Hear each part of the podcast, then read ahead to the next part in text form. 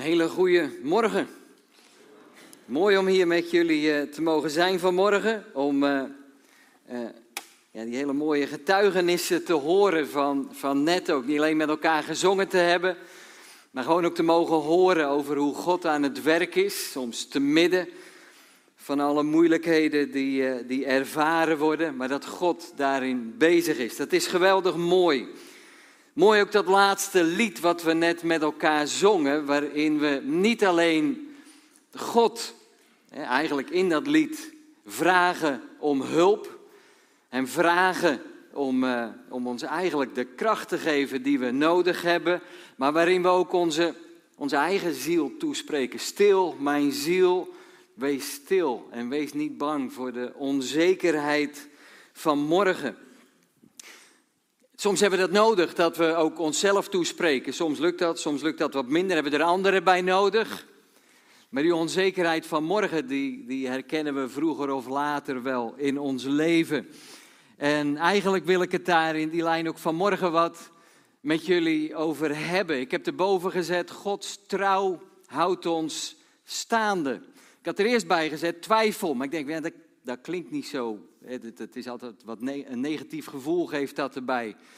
Um, maar het is uiteindelijk Gods trouw die ontstaan houdt. Nou, daar gaan we het wat over hebben met elkaar. Ik moest denken aan, uh, aan iets wat er uh, van de week bij mij in de, in de lesauto uh, gebeurde met een leerling. Op een parkeerplaats had ik hem gevraagd om gewoon ergens een plek op te zoeken om de auto in een vak te parkeren. Er zat een auto achter ons. Hij moest op zoek naar een vak. En opeens werd het chaos.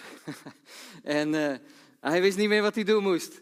Dus uh, we hadden de auto even netjes langs de kant gezegd. Wat gebeurde er nou net? Ja, zegt hij. Er had een auto achter me. En ik moest een parkeerplek zoeken. En toen werd het opeens chaos in mijn hoofd. Ik zei, ja, dat, dat zag ik. En ik zeg, wat, maar waardoor kwam dat dan? En toen zei ik begon te twijfelen.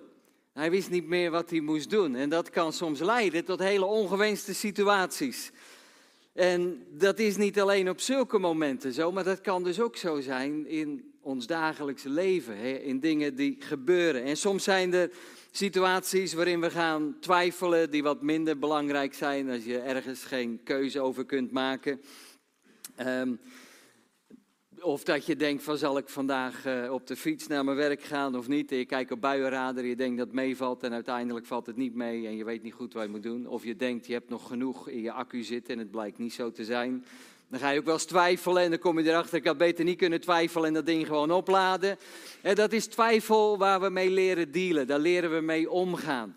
Maar er zijn andere momenten en dat gaat eigenlijk heel veel dieper. Dat is innerlijke twijfel. Dat is wanneer wij gaan twijfelen aan dingen die heel veel belangrijker zijn. En daarvoor wil ik jullie even in eerste instantie meenemen naar twee versen uit Psalm 94.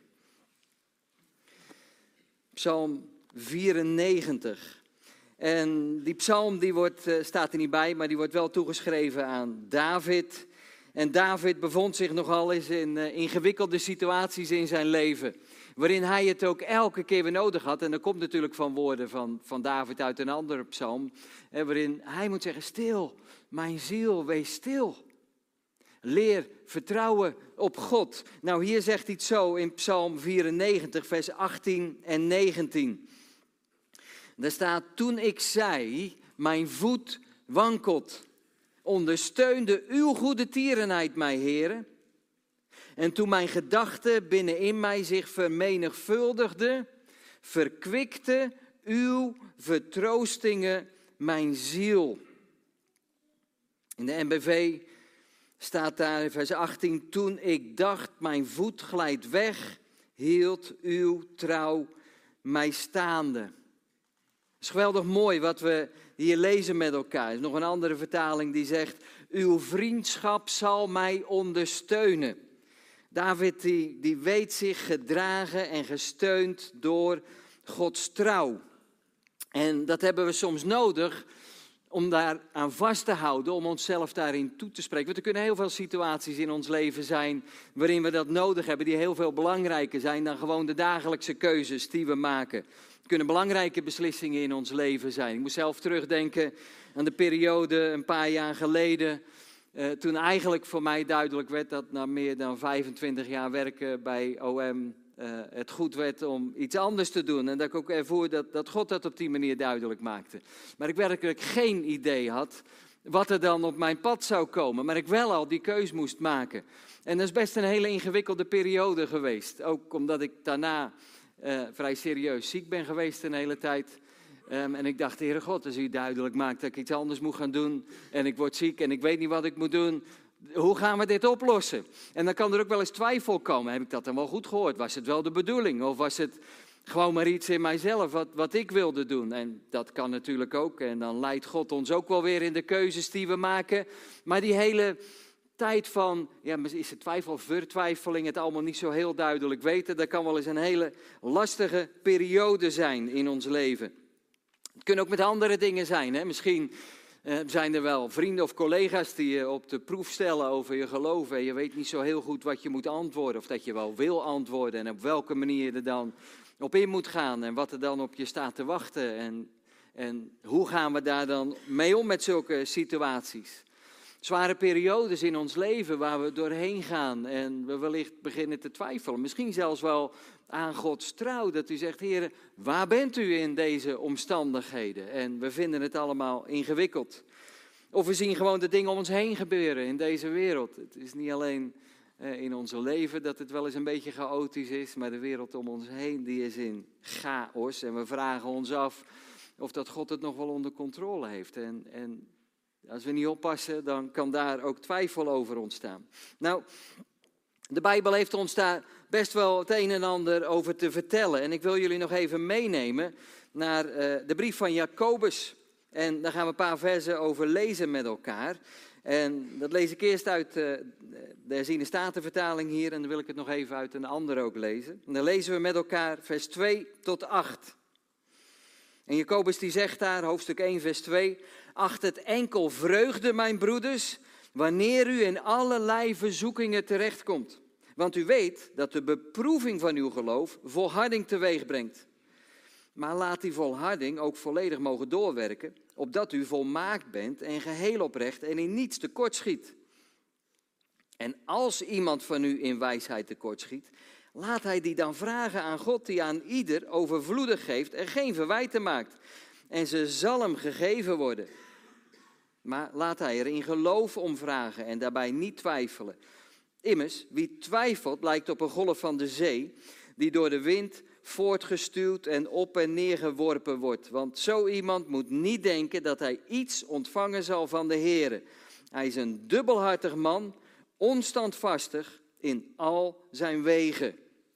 Nou, tot zover dit stukje. Ik wil het nog even met jullie lezen uit uh, de Message, de Nederlandse vertaling daarvan. Ik denk dat bij een aantal van jullie die wel bekend is.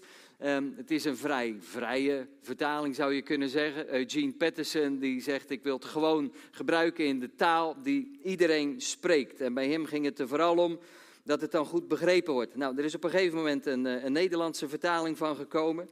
En luister maar even hoe het daar staat. Soms is het wel eens heel verfrissend om het net een beetje anders te horen. Zie het puur als een geschenk, vrienden, als er van alle kanten uitdagingen en beproevingen op jullie afkomen. Jullie weten dat juist onder druk jullie geloofsleven helemaal open komt te liggen en zijn ware aard laat zien. Probeer daar dus niet voortijdig onderuit te komen. Maar laat deze uitdagingen en beproevingen hun werk doen, zodat jullie volwassen en volgroeid worden en als gelovigen in niets onder de maat blijven. Als jullie geen idee hebben wat jullie moeten doen, bid dan tot de Vader. Hij helpt jullie graag. Jullie zullen zijn hulp krijgen. Hij kijkt echt niet op jullie neer als jullie hem om hulp vragen. Vraag het onbeschroomd, vol vertrouwen Aarzel geen moment. Mensen die weifelend bidden, zijn als door de wind opgejaagde golven. Denk niet dat jullie op die manier ook maar iets van de meester zullen ontvangen. Jullie dobberen rond en willen alle opties open houden. Nou, tot zover deze, uh, ja, je zou kunnen zeggen, deze aanmoedigingen of aansporingen van, uh, van Jacobus in dit gedeelte. En hij zegt hier, we kunnen dus in dit leven flink onder druk komen te staan door beproevingen en uitdagingen. Zo sterk zelfs dat we zelf geen, geen uitkomst zien, dat we niet weten hoe we ermee om moeten gaan. En hij moedigt ons aan om dat niet als een last te zien, maar als vreugde. En dat lijkt natuurlijk een tegenstelling. Hoe kan je het nou als vreugde zien als we het ingewikkeld hebben? Ik denk dat dat niet nieuw klinkt, maar dat is wel de boodschap van Gods koninkrijk ook. Want juist door die druk legt hij uit, gaan wij groeien in ons geloof. Komen we steeds steviger in onze geestelijke schoenen te staan.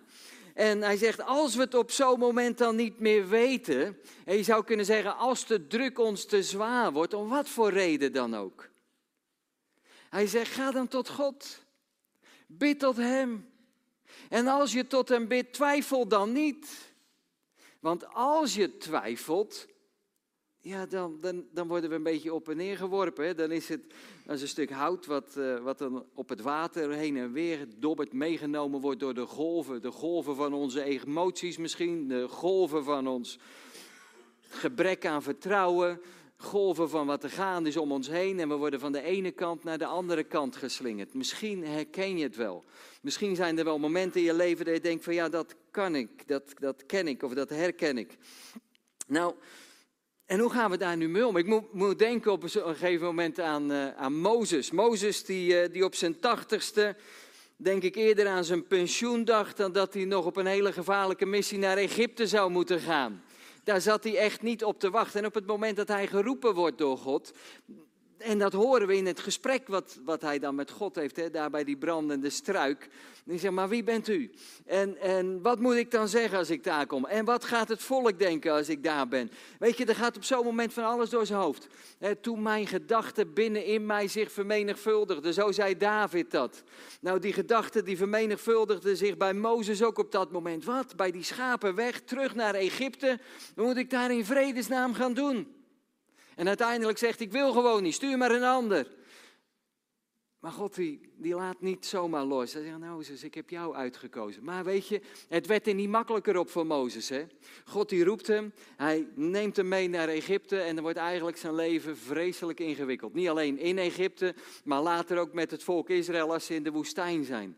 En daar heeft hij het nog wel eens over met God. Het is uw volk en het is uw missie en u bent ermee bezig. Wat moet ik met die mensen?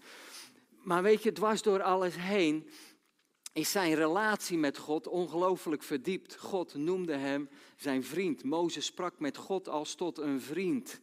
Nou, een heel veel mooie relatie met God kun je toch niet bedenken? En dat, dat is er alleen maar beter op geworden. Door die moeilijkheden heen. Mozes die dacht, laat maar zitten. Maar hij wist niet wat een geweldige verdieping in zijn relatie met God daarin zou komen. Dat is het mooie wat er is. En dat weten we niet altijd van tevoren. En dat is maar goed ook, denk ik. En we mogen ons daarin laten leiden. Nou, zou je je af kunnen vragen, waar komt dat nou allemaal vandaan? Waarom, waarom is er soms die strijd en waarom zijn er die vragen? En waarom is er soms die twijfel in ons leven? De wortel van al dat twijfelen, dat begint al bij Adam en Eva. als Adam en Eva daar in dat paradijs schaamteloos genieten van alles wat hun door God gegeven is, de pracht die er is, al het moois aan die bomen, de natuur, ze hebben elkaar. En er is daar op een gegeven moment die slang die daar komt en uh, hun de vraag stelt: Is het echt zo dat God gezegd heeft? Hoor je wat daar gebeurt? Daar is Satan, de leugenaar van de beginnen, die twijfel in hun wil zaaien. Is het echt zo dat God gezegd heeft? Nou, in het gesprek dat dan volgt, hè, verdraait uh, de slang Gods waarheid en geven Adam en Eva toe aan de verleiding om te eten van die enige boom waar ze nou net niet van mochten eten. En dan gaat het fout. Hun gedachten werden vertroebeld door leugens. Ze beginnen te twijfelen en maken dan de verkeerde keus met vreselijke gevolgen. En misschien ken je zelf die stem wel. Is het echt zo dat God gezegd heeft? Is het echt zo dat hij wel van mij houdt? Is het echt zo dat ik dit of dat moet doen? En is het echt zo, die twijfel die daar kan zijn, dat is waar het vandaan komt, dat is waar het begon. En op het moment dat die gedachten er zijn, dan weten we dat is niet van God. God die wil ons eh, bemoedigen in dingen, die wil ons verzekeren. En God die laat dus in zijn woord zien waar het fout ging. We gaan ook eens kijken in Gods woord over hoe we om mogen gaan met, met twijfel of onzekerheid. Of dat wat we dan binnenin ons horen, van is het echt zo en moet dit wel? Of noem het maar op wat er in je leven gaande is. Want er zijn geestelijke lessen die we mogen leren uit Gods woord. Gods woord die zegt, we mogen die zekerheid hebben. Gods trouw houdt ons staande. Daar mogen we aan vasthouden. En ik wil jullie heel even meenemen naar een paar gebeurtenissen. Een paar verschillende mensen in de Bijbel. En in eerste instantie kijken we heel even naar een aantal gebeurtenissen rondom eh, het lijden en sterven en de opstanding van de Heer Jezus. Want er wordt ongelooflijk veel getwijfeld op dat moment. Er is ongelooflijk veel onzekerheid in het leven van die volgelingen van de Heer Jezus. Degene die het dichtst bij hem waren. Degene die hem gevolgd waren, die zijn onderwijs gehoord hadden, die, die zijn genezingen gezien hadden, die hadden gehoord wie hij is en waar hij vandaan kwam. En toch op het moment dat erop aankomt, beginnen ze te twijfelen en is het niet duidelijk.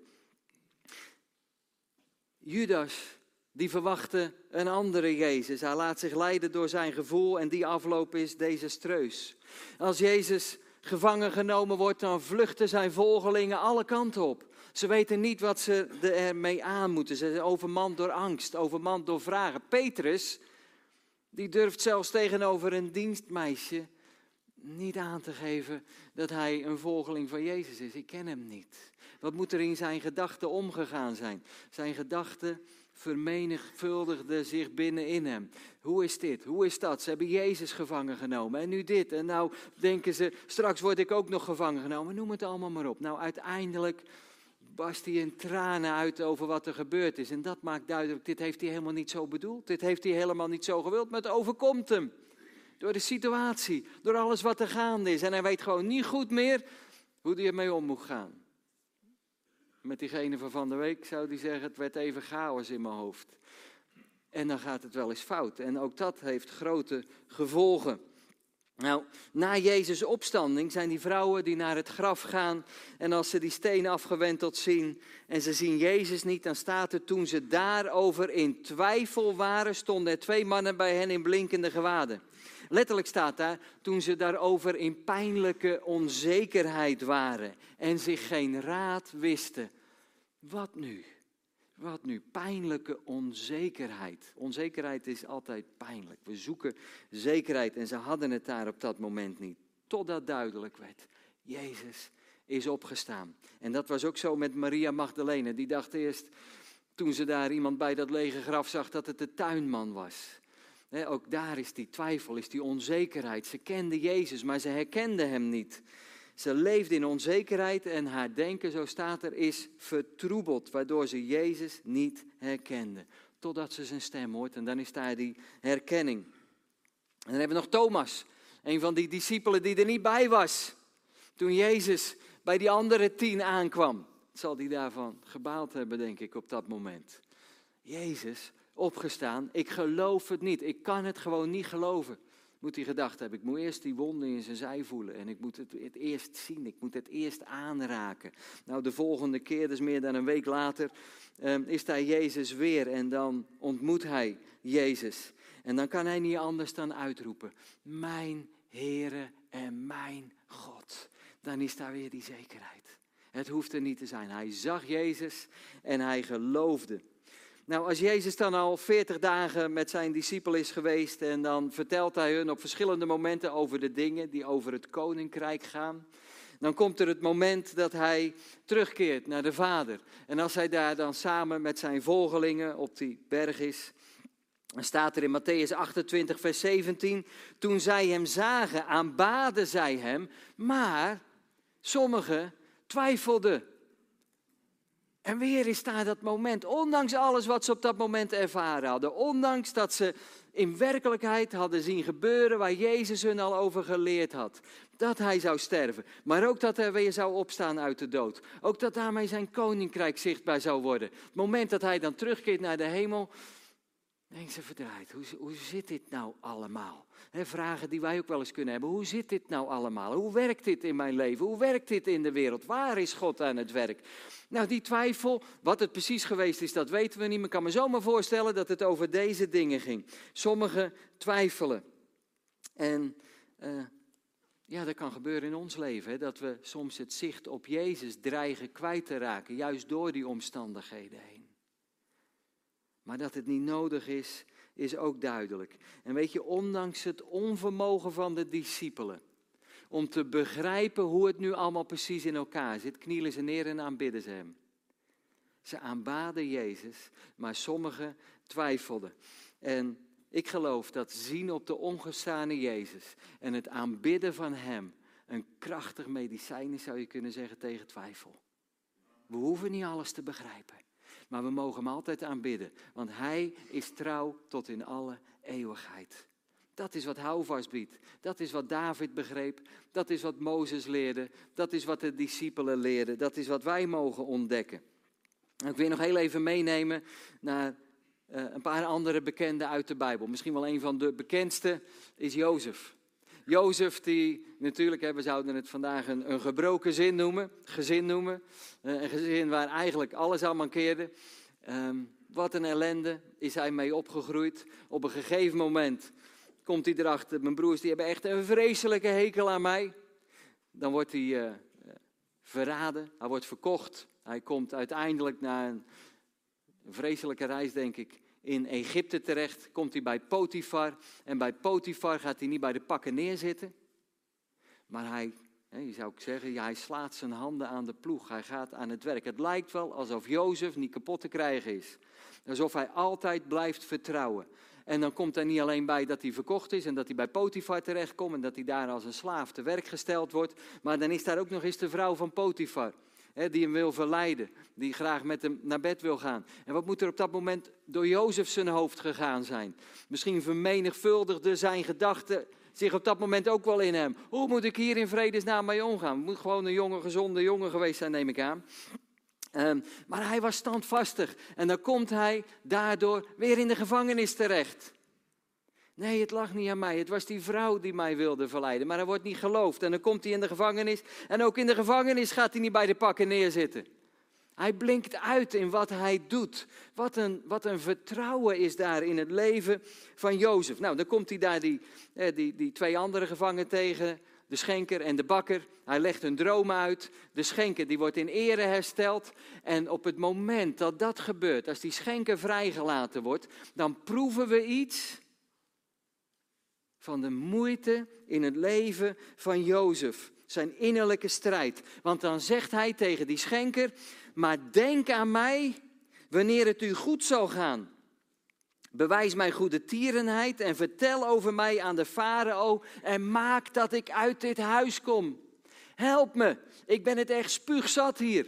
Maak dat ik uit dit huis kom. Hij klampt zich op dat moment vast aan die schenker. Hij denkt, hij staat dicht bij de farao. Ik heb hem geholpen. Hij zal er wel wat voor terug doen. Maar dan wordt het stil. En na een dag dacht hij, nou, geef hem even de tijd. En na een week, ik hoor nog steeds niks. En na een maand, en na twee maanden, en na een half jaar. En toen dacht hij, hij is me werkelijk vergeten. Wat hij gedacht heeft, weet ik niet. Ik vul het natuurlijk hier zelf maar een beetje in. Maar dat zou ik gedacht hebben op dat moment.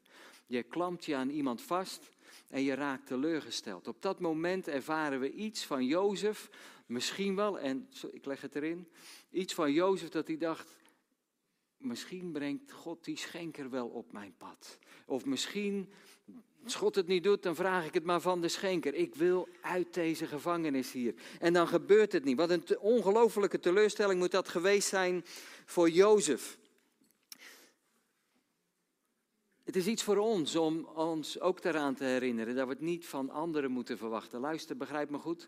We hebben elkaar nodig en we zijn er om elkaar tot steun te zijn en om elkaar tot zegen te zijn. Maar laten we het niet van elkaar verwachten als of de ander onze verlosser zou zijn uit bepaalde situaties. Dat kunnen we alleen van God verwachten. Anders raken we teleurgesteld en zullen wij zelf anderen teleurstellen. Is geen oproep om elkaar maar los te laten. Blijf elkaar van harte ondersteunen. Maar het is uiteindelijk God van wie we het moeten verwachten. En dat zien we ook in wat er vervolgens gebeurt. We weten, Jozef die komt uiteindelijk wel uit de gevangenis. Uiteindelijk denkt hij schenken eraan, verdraait. Dat was waar ook. Er was iemand in de gevangenis die dromen kan interpreteren. Jozef die wordt bij de farao gebracht en die wordt, in, eh, ja, die, die wordt de ene hoogste man van het land. Zijn broers komen en dan gaat het mij even hierom. Die broers die denken op het moment dat Jozef zich bekend maakt, dit is het einde. Dit is onze broer die wij verkocht hebben. Hij heeft deze plek in het enorme rijk. Wat gaat er met ons gebeuren? En dan is dit wat Jozef zegt. Um, niet jullie hebben mij hier naartoe gestuurd, maar God. God heeft mij voor jullie uitgezonden tot behoud van jullie leven. Ik vind dat zo bijzonder. Hij is bevrijd. Ik kan er elke keer weer, misschien heb ik het zelf ook al wel twintig keer gehoord en gelezen, maar ik raak er elke keer weer van onder de indruk. Dat hij zijn broers niet de schuld geeft van wat er gebeurd is, maar dat hij vasthoudt aan God. Gods wegen, hè, Jozef die wist het, die zijn niet mijn wegen. En Gods gedachten zijn niet mijn gedachten. God is bij machten alles te doen, medewerken ten goede. Hij had die brief van Paulus nog niet. Maar hij wist wel dat het waar was. God doet alle dingen medewerken ten goede. Het is God die mij staande houdt. En dat waren ook later de woorden van David. Nou, in tijden van onrust en vertwijfeling is God die enige rots en onze enige houvast. Ook als vanuit ons perspectief het allemaal veel te lang op zich laat wachten. Want dat was natuurlijk zo in het leven van Jozef. Wij willen het graag nu opgelost hebben, maar het gebeurt niet altijd. En als dat nu niet gebeurt, dan weten we dat God daar ook een bedoeling mee heeft. En dat vind ik zelf wel eens lastig om dat te accepteren. Maar ik mag elke keer weer leren dat het wel zo zit. Nou wil ik jullie nog meenemen naar één ander iemand die ook wel een hele bekende is. En dat is natuurlijk Job. Het boek Job ehm, dat staat vol met de twijfels van Job zelf. Alles was hem ontnomen. Hij was een beetje alles kwijt in zijn leven. Zijn gezin, zijn gezondheid, zijn rijkdom. En daar zat hij. En dan had hij ook nog eens een stel vrienden die hem op geen enkele manier opbeurden of hielpen. Maar eigenlijk alleen maar dieper in de put hielpen. En dat leidde tot heel veel vragen in het leven van Job. En als je eens uh, een, een Bijbelboek wil lezen waarin je ook leert over het uiteindelijk wel vasthouden aan God, dan is dat het boek Job. Vol vertwijfeling. Het is, een, het is gewoon een heel boek wat gaat over die innerlijke strijd. Wat gaat over twijfel. Wat gaat over zorgen. Wat gaat over het niet begrijpen. En als dat zo'n belangrijke plek inneemt in de Bijbel, dan maakt God daarmee duidelijk: ik begrijp dat dat wel eens deel kan zijn van jullie leven. Nou, op een gegeven moment is Job uitgepraat en dan begint God. Zijn vrienden zijn stil die hebben niks meer te vertellen. Job die weet het niet meer en dan gaat God spreken. Kijk eens naar wie ik ben. En dat zijn een paar hoofdstukken waarin God gewoon zegt, kijk naar mij. Kijk naar wat ik gedaan heb. Kijk naar mijn schepping. Is er iemand die dit zou kunnen doen? En dan komt er uiteindelijk een antwoord van Job op God, die zich duidelijk gemaakt heeft aan, uh, aan Job. En dan wil ik een paar versen met jullie lezen. Het antwoord van Job, dat is Job 42, vers 1. Toen antwoordde Job de Heere, ik weet dat u alles kan en dat alles wat u van plan bent ook gebeurt.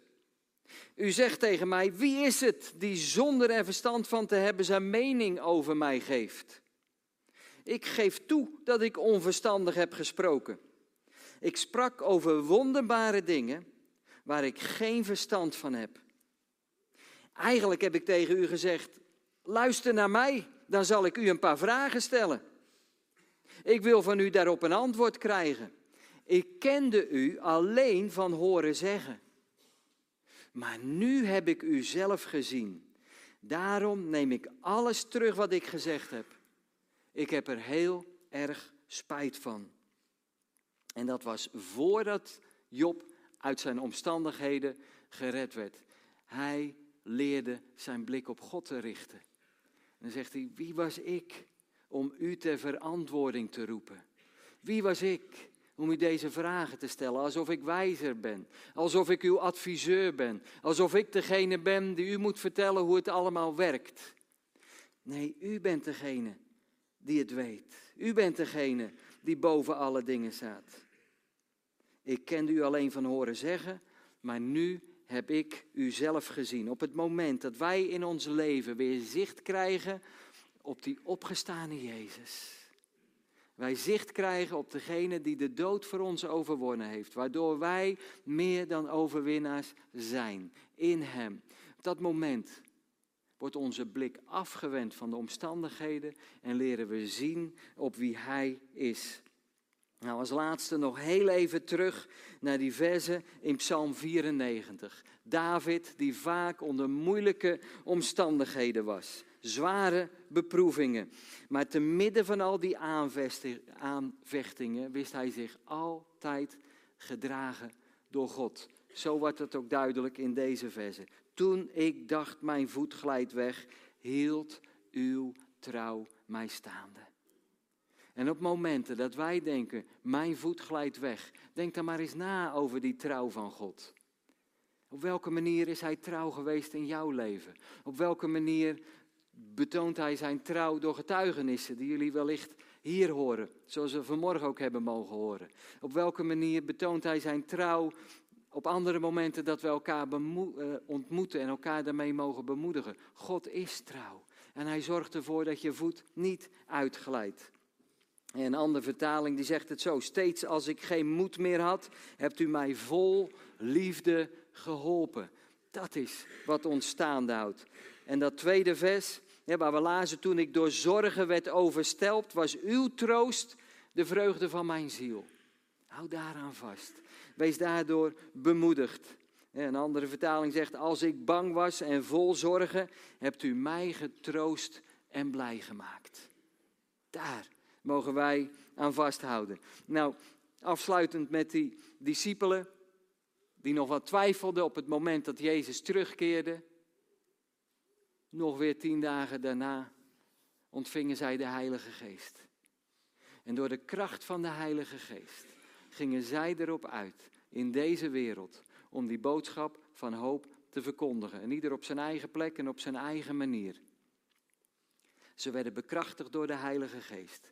Die twijfel die er op dat moment nog was, werd weggedaan op het moment ook dat de Heilige Geest kwam. En ook daar mogen we onszelf aan herinneren. Als we Jezus Christus leren kennen, dan is zijn geest in ons. En die geest in ons, die leert ons bidden als wij zelf geen woorden hebben. Dan mogen we op Hem vertrouwen. En dan is Hij degene die ons leidt. En dan mogen wij met David zeggen, toen mijn gedachten binnenin zich, in mij zich vermenigvuldigden, verkwikte uw vertroostingen mijn ziel. Amen.